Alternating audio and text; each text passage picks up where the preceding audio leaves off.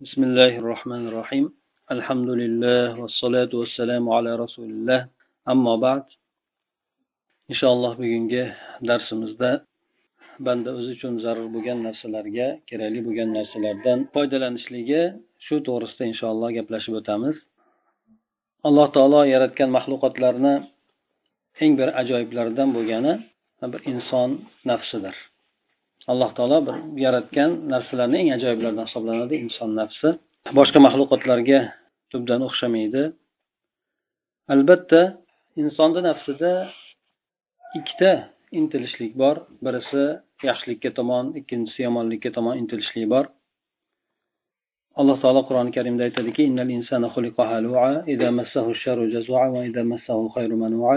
inson shunaqangi bir betoqat suratda tabiat bilan yaratildi.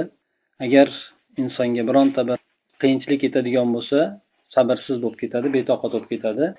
Yaxshilik yetib qoladigan bo'lsa unga baxillik baxilligi tutib qoladi baxil bo'lib ketadi deydi. Inson tabiati shunaqa tabiat bilan alloh taolo yaratgan.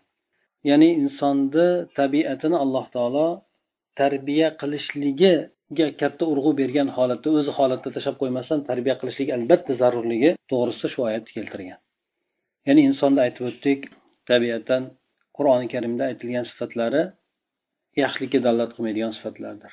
Insonni asli tabiatdagi bo'lgan sifatlari. Yana boshqa oyatda keladiki inson shoshqaloq bo'lgandi. Inson o'ziga zulm qiluvchi nonko'r nonko'r deganimiz ya'ni berilgan ne'matga noshukur bo'ladigan. Shunaqa tabiatlar bilan demak insonni alloh taolo zikr qilgan. Albatta inson tabiatini o'nglashligi uchun endi esa qattiq kurash olib borishlik kerak bo'ladi. O'tgan safargi darsimizda biroz shu masalada ham to'xtalib o'tgan edik. Ya'ni inson nafsi bilan yaxshilikka intilishligi uchun nafsi bilan albatta kurashishligi lozimligi to'g'risida aytgan edik. Hammamiz bilishligimiz kerak hammamizda mana shunaqangi nafs demak bor. Agar biz uni tarbiya qilmaydigan bo'lsak o'sha nafs bizda g'olib bo'lib ketadida asli bizda yaxshilikka intilish bo'lgan tomonimiz esa mag'lub bo'lib qoladi. Hammamizni maqsadimiz bor. Iloji boricha o'zimizdan boshqalarga ham manfaat yetkazishlik qo'limizdan kelgan yaxshiliklarni boshqalarga yo'llashlik yoki boshqalarga o'sha yaxshiliklarni baham ko'rishlik yo'llab qo'yishlik mana shunaqangi maqsadlarimiz hammamizda ham bor endi. Albatta demak boshqasiga manfaat keltirishlikka harakat qiladigan musulmon odamni shaxsiyati mukammal bo'lishligi uchun albatta o'zini ham unutib qo'ymaslik kerak bo'ladi. O'zini avvalo allohni huzuridagi bo'ladigan mas'uliyatdan qutultirishligi allohni g'azabidan o'zini saqlashligi do'zax azobidan esa najot toptirishligi insonga eng muhim bo'lgan narsalardan hisoblanadi. Shu jihatdan rasululloh sollallohu alayhi vasallam bizni o'zimizga kerakli bo'lgan narsalar bilan foydalanishlikka yo'naltirib turib aytadilarki ya'ni siz o'zingizga dunyo hayotida oxiratingizga foyda beradigan narsalarga qattiq haris bo'ling dedi. Ya'ni bu narsalarga qattiq beriling degani. Ya'ni shunchaki bir e'tibor qiling emas balki qattiq haris bo'ling dedi. Shu bilan birgalikda payg'ambar alayhisalom aytdilar ya'ni o'zini eng yaqinlariga aytgan vasiyati ham do'zaxdan o'zlaringizni o'zlaringiz qutultirib olinglar dedi.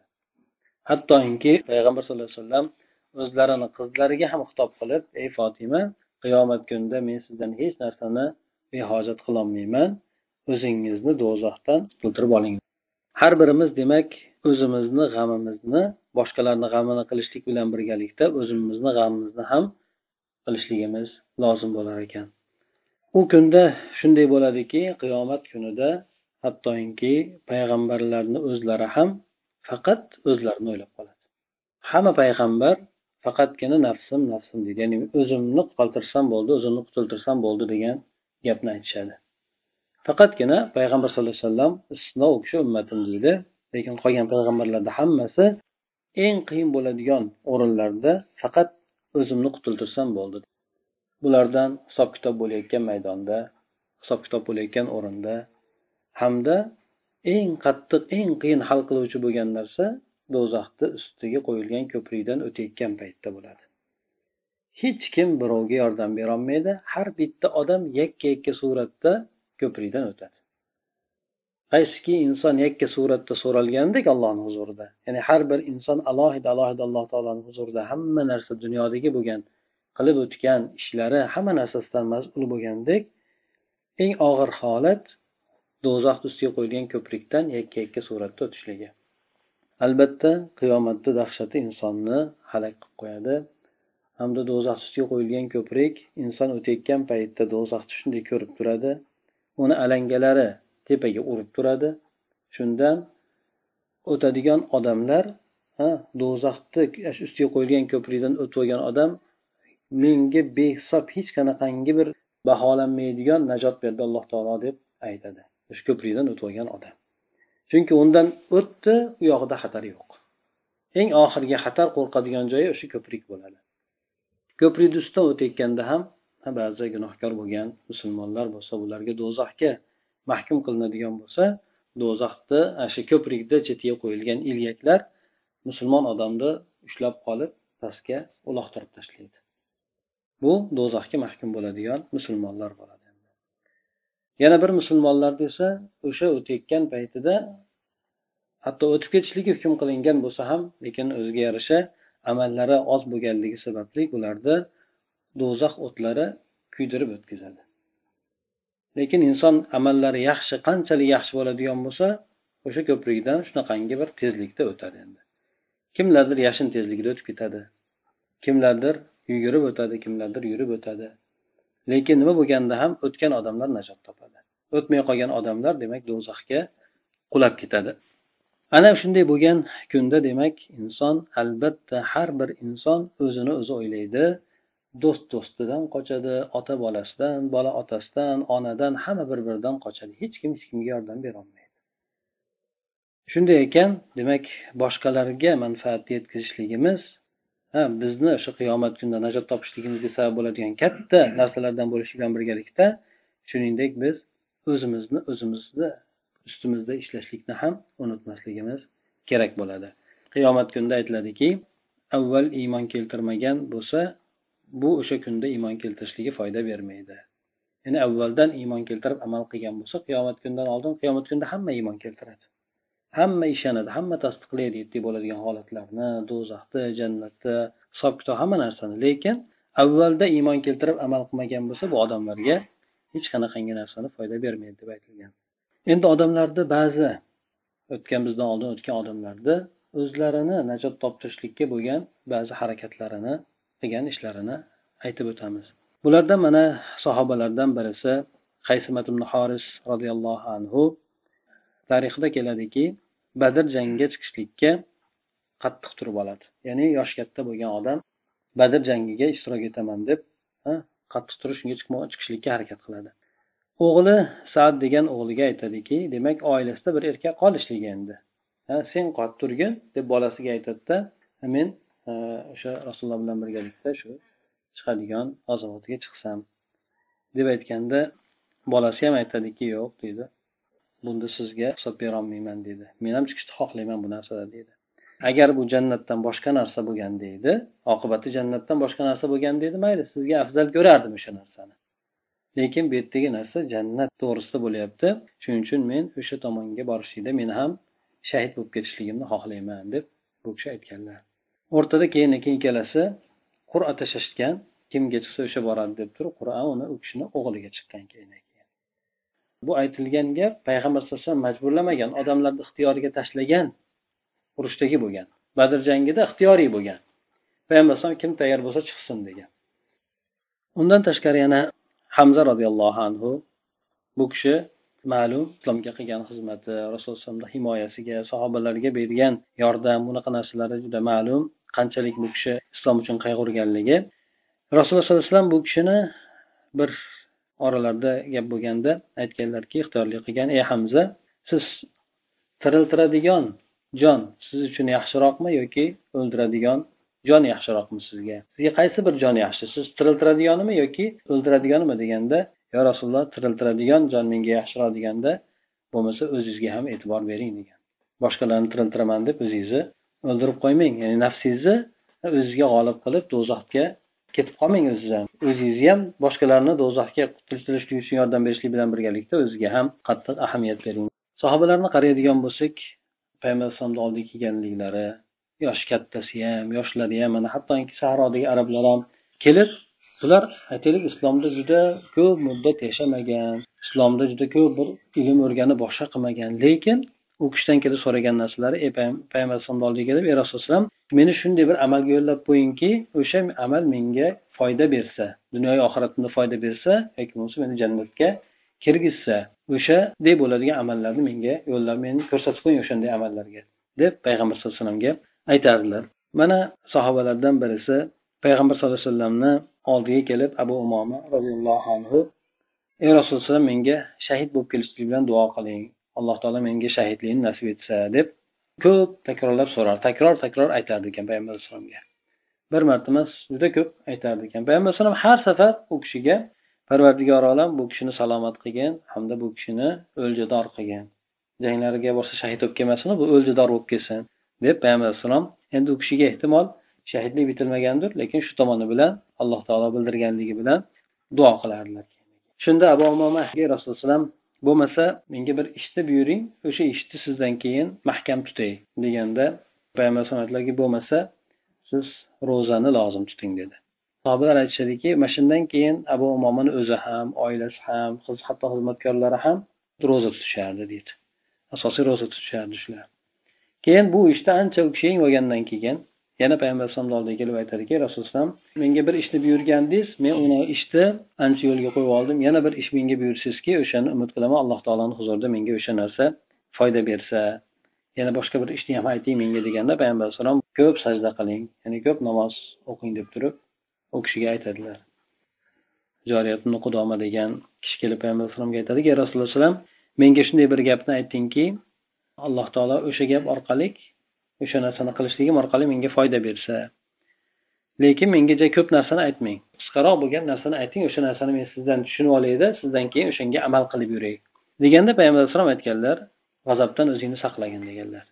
Bu kishi hattoki shu hadis rivoyatlarda keladi bu narsani oz sanab payg'ambar alayhisalomga endi shu narsa bo'ladimi? Yana yana ayting yana ayting deb bir necha marta takrorlaganda payg'ambar alayhisalom faqatgina g'azab qilmagin deb yana so'raganda g'azab qilmagin deb shu narsani ta'kid ta'kid aytganlar. Hattoki o'sha kishini o'zi ham aytadi keyinchalik bildim g'azab butun yomonliklarni uyasi ekan. Keyingi hayotlarida shu payg'ambar alayhisalom bergan o'gitlari juda katta foyda berganligini ham aytadi endi.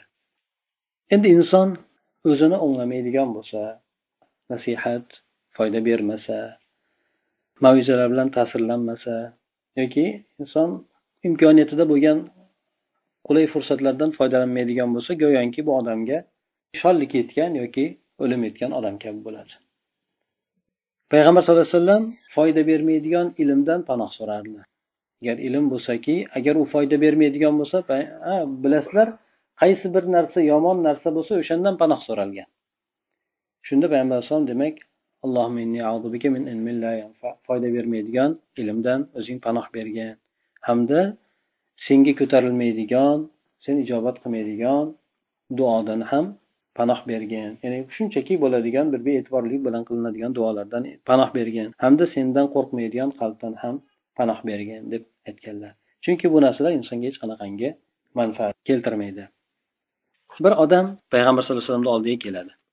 Lekin bu odam yoshi katta bo'lgani bilan qalbi tirik odam bo'ladi. Rasulullohni oldiga harakat qilib yugurib keladilar. Shunda payg'ambar alayhisalom aytadilarki ey qubaysa biron narsa sabab bo'ldimi siz kelishingizga ya'ni nimaga keldingiz bunchalik? deganda qubaysa aytadiki ey rasululloh meni yoshim kattarib ketdi suyaklarim noziklashdi ya'ni yoshi katta bo'lganligini aytyaptida bu yerda. Menga alloh taolo meni foydalantiradigan biron narsani menga bildiring. Ha menga biron narsani bildiringki o'sha narsa bilan alloh taolo meni foydalantirsa deb keyin payg'ambar alayhissalom u kishiga ba'zi duolarni o'ziga yarasha ba'zi qilishlik kerak bo'lgan ishlarni aytib qo'yadi. Demak bu odam yoshi katta ha bir joyga yoshi borgan lekin qalbi tirik harakati yaxshi qo'ldan keladigan ishga payg'ambar alayhissalomdan demak ko'rsatma so'radilar endi bizda o'zimizni olib ko'radigan bo'lsak qanchalik demak yaxshiliklarga bo'lgan intilishimiz bor? Yoshimiz bo'lsin yoshimiz kattasi bo'lsin. Ko'proq bizda dunyoviy bo'lgan narsaga intilishimiz shunga bo'lgan ozgina bo'lgan fursatdan ham shu tomondan foydalanib qolishlikka harakatimiz ko'proq bo'ladi. Buni mana ansorlarni misolda ko'radigan bo'lsak bir kuni payg'ambar sallallohu alayhi vasallam bir kun yiqqan paytlarida ularga qarata aytdiki bugun mendan nima narsani so'rasanglar sizlarga beraman dedi. Hattoki yani dunyoda iroda qilib aytdilar ya'ni nima narsani so'rasanglar men sizlarga o'sha narsani beraman dedi. Chunki payg'ambar alayhissalomga ma'lum hattoki uhud tog'ini tilla qilishlik taklif qilingandi. Payg'ambar alayhisalom bundan bosh tortganlar ya'ni xohlamaganlar. Katta katta boyliklar payg'ambar alayhisalom ko'ndalang qilingan u kishi bu narsalarni xohlamagan lekin ansorlarga shunday qilib turib ya'ni nima narsani so'raydigan bo'lsanglar men beraman deganda ansorlar bir biriga nisbatan nima deyishdi?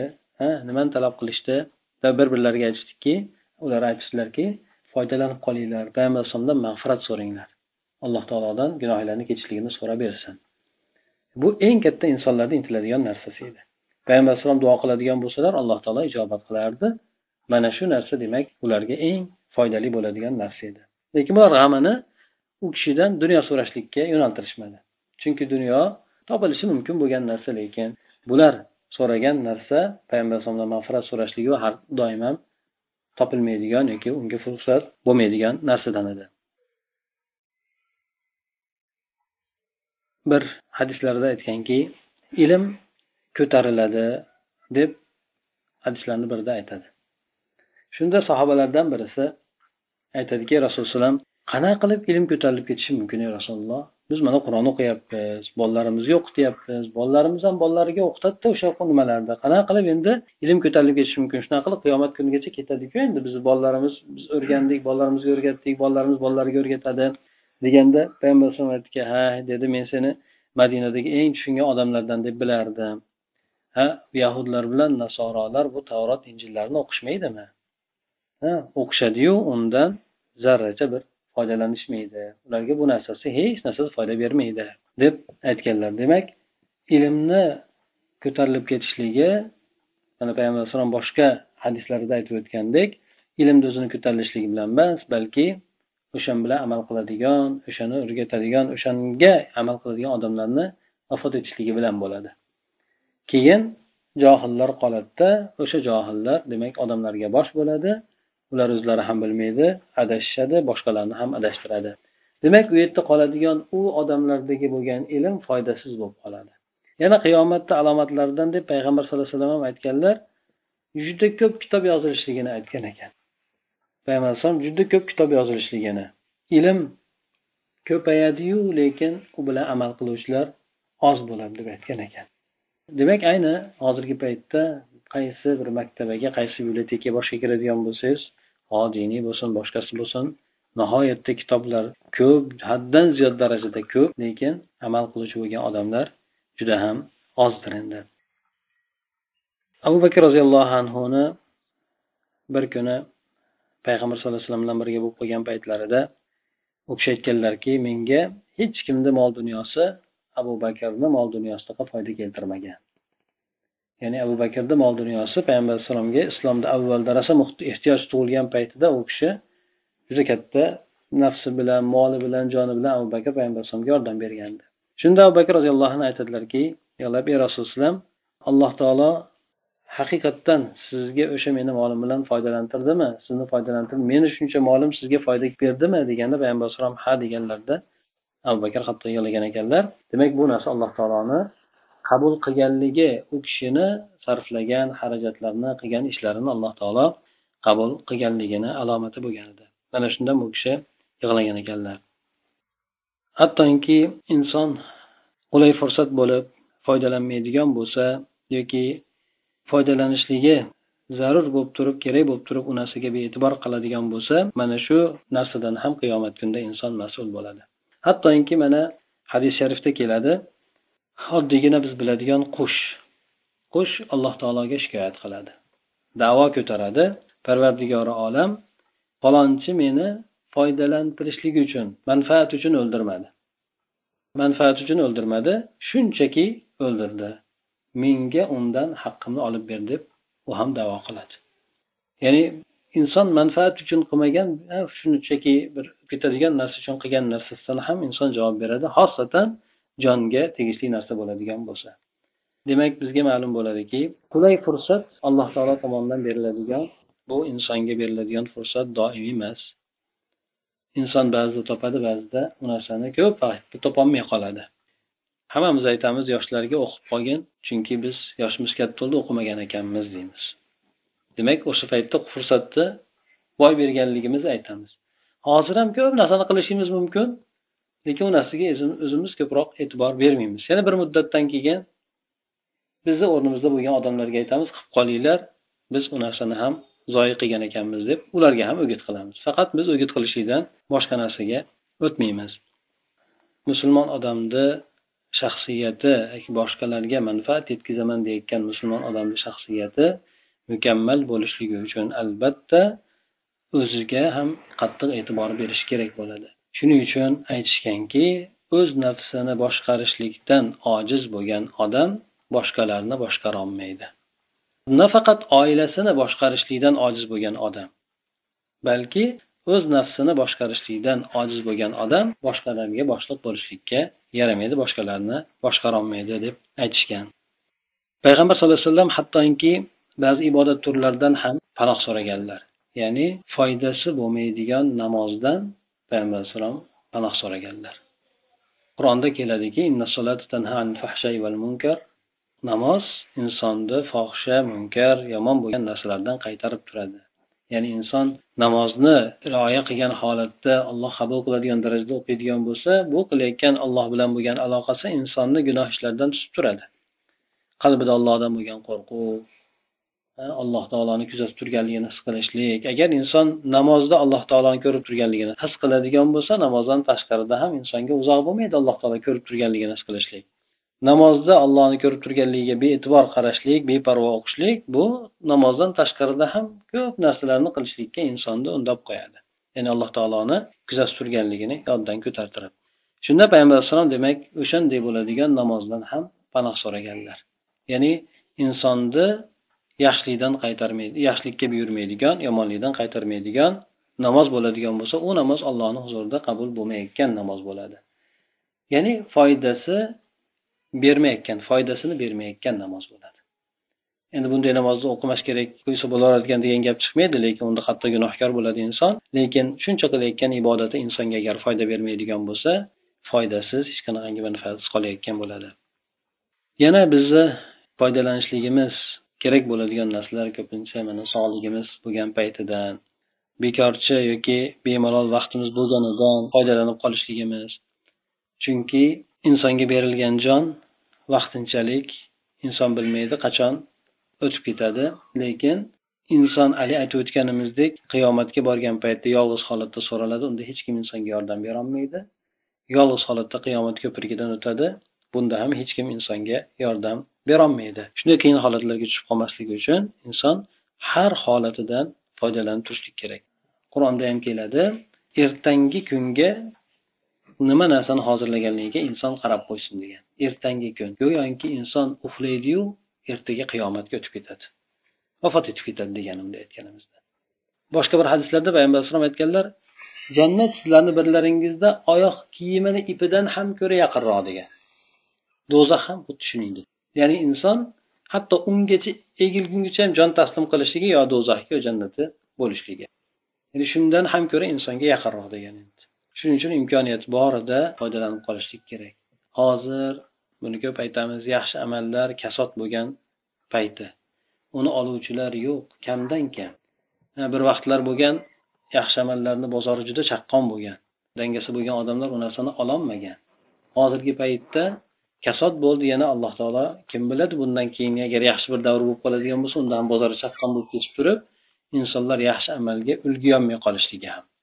Shuning uchun demak iloji boricha foydalanib qolishligimiz jonimiz o'zimizda sog'ligimiz o'zimizda aqlimiz hushimiz o'zimizda shundan demak foydalanib qolishligimiz.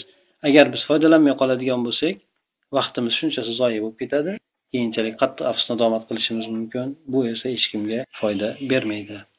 Hattoki o'zbekistondagilarni sharoitini ularni qiyinchilik boshqa narsalarni o'ylashlik bilan birgalikda o'zimizni ham esdan chiqarib qo'ymaylik. Boshqalarni tiriltiraman deb o'zimizni o'ldirib qo'ymaylik.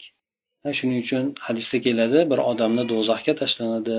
Bu odam ichaklari o'ziga xuddi tegirmonni aylanadigan nimasi aylangandek tegirmondek haligi eshak aylanganda aylangandek ichaklari shunga atrofiga aylanib qoladi. Odamlar uni ko'rib hayron bo'lishadi. Aytadiki ey palonchi sen bizni yaxshilikka chaqirmasmiding yomonlikdan qaytarmasmiding? deganda aytadiki ha shunday edi sizlarni yaxshilikka buyurardimu lekin o'zim qilmasdim. Sizlarni yomonlikdan qaytarardimu lekin o'zim qilib yotardim shu narsani degan. Demak o'shanday holatga tushib qolishlikdan alloh taolo hammamizni saqlasin.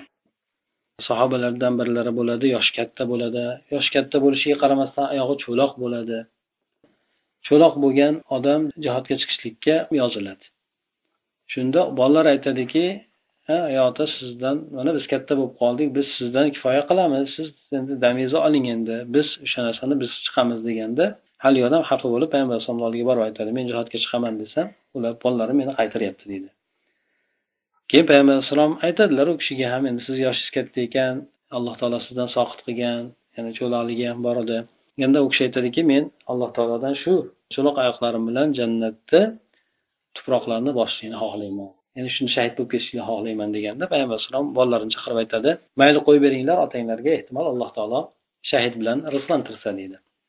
Haligi odam bo'lib jangga chiqadi shunda shahid bo'lib ketadi. Bir amo odam ham chiqadi. Alloh taolo bulardan soqit qilgan lekin amo odam ham chiqadi bu odam ham jangda shahid bo'lib ketadi. Bu odamlar demak intilishligi hattoki islomda ko'p bo'lmagan odam ham payg'ambar alayhisalom bir kuni hadislarda aytadi. Jihodga tayyorlab turgan paytda kengligi yeru osmonlarcha bo'lgan jannatga shoshilinglar deb turib payg'ambar alayhisalom o'sha e, shahidlikka targ'ib qilib odamlarni aytgan paytda ey rasululloh mana shu jangda o'lib ketsak shahid bo'lamizmi jannatga kiramizmi? deganda ha deganda yeyotgan narsasini tashlab ya'ni bir sahroyi bir odam bo'ladi. Ya'ni hech qanaqangi bir ilmi yo'q boshqasi yo'q. Yeyotgan xurmolarni ham tashlab buni yeguncha ham vaqt o'tib ketar ekan deb kirib ketib shahid bo'lib ketadi. Yana bir odam keladi dushman tomondan keladi. Dushman tomondan keladida musulmonlarga kelib nima qilsam jannatga kiraman? deydi. Musulmon bo'lsang deydi. Musulmon bo'lgandan keyin endi shu jangda o'lsam kiramanmi? deganda ha deganda haligi odam shu jangga kirib ketib o'sha yerda shahid bo'lib ketadi. Hattoki ikki rakat namoz o'qimagan odam. Ya'ni shunga fursat ham bo'lmagan. Yani vaqti ham bo'lmagan. Namozga kirgan islomga kirgani shu bilan shahid bo'lib ketgan odam bo'lgan. Bunaqa misollar juda ko'plab abu bakr roziyallohu anhu aytgandek rumga yozgan xatida. Sizlarga sizlar dunyoni hayotini qanchalik yaxshi ko'radigan bo'lsanglar o'limni shunchalik yaxshi ko'radigan odamlarni yuboraman sizlarga degan. Sizlar qanchalik yashab qolishlikni yaxshi ko'radigan bo'lsanglar o'limga shunchalik intiladigan odamlarni sizlarga jo'nataman degan askarni aytgan. Bularni hammasi o'sha fursatdan foydalanib qolishlik bo'lgan qulay g'animat o'sha fursatlarni g'animat bilishlik mana shu narsalarga demak hammasi shuning uchun bizda ham e'tiborsiz yurib yurib turib ya'ni odamlarda oddiy bir odamlarga o'xshagan holatda jon taslim qilishlik bu holid ibn validda aytganlaridek to'shakda o'lishlik bu ayollarga xos. Ya'ni erkaklar amalni ustida ya'ni bir yaxshilik bir narsalarni ustida vafot etadi deb endi qoralanmagan lekin buni qoralash maqsadida aytmagan bu kishi demak to'shakda o'layotganligida shunday o'layotganligiga afsus qilib aytgan. Qancha jang kirgan bo'lsa ham unda alloh taolo shahidlik nasib qilmasdan lekin darajasini alloh taolo baribir oliy qiladi. Shuning uchun musulmonlarga bergan xizmati sababli. Shuning uchun inson bo'ladigan imkoniyatdan foydalanib qolishligi kerak bo'ladi. Bilmaymiz alloh taolo jonimizni qayerda oladi? Bu joydami? Diyorimizdami boshqa joydami? Nima bo'lganda ham allohni huzurida amalimiz foyda beradi? Boshqa hech kim bizga yordam qo'lini cho'zolmaydi. Alloh taolo hammalarimizni qalblarimizni uyg'otsin. Yaxshi musulmonlar uchun o'zimiz uchun yaxshilik bo'ladigan barcha narsalarga alloh taolo muyassar qilsin. Boshqa birodarlarimizni ham islom uchun qayg'uradigan bizni ham islom uchun qayg'uradigan bandalarni qatorida qilsin. Alloh taolo ummatimizni yoshlarimizni hammasini isloh qilsin. O'sha islohiga bizni ham sababchi qilsin va axiru alhamdulillahi robbil alamin.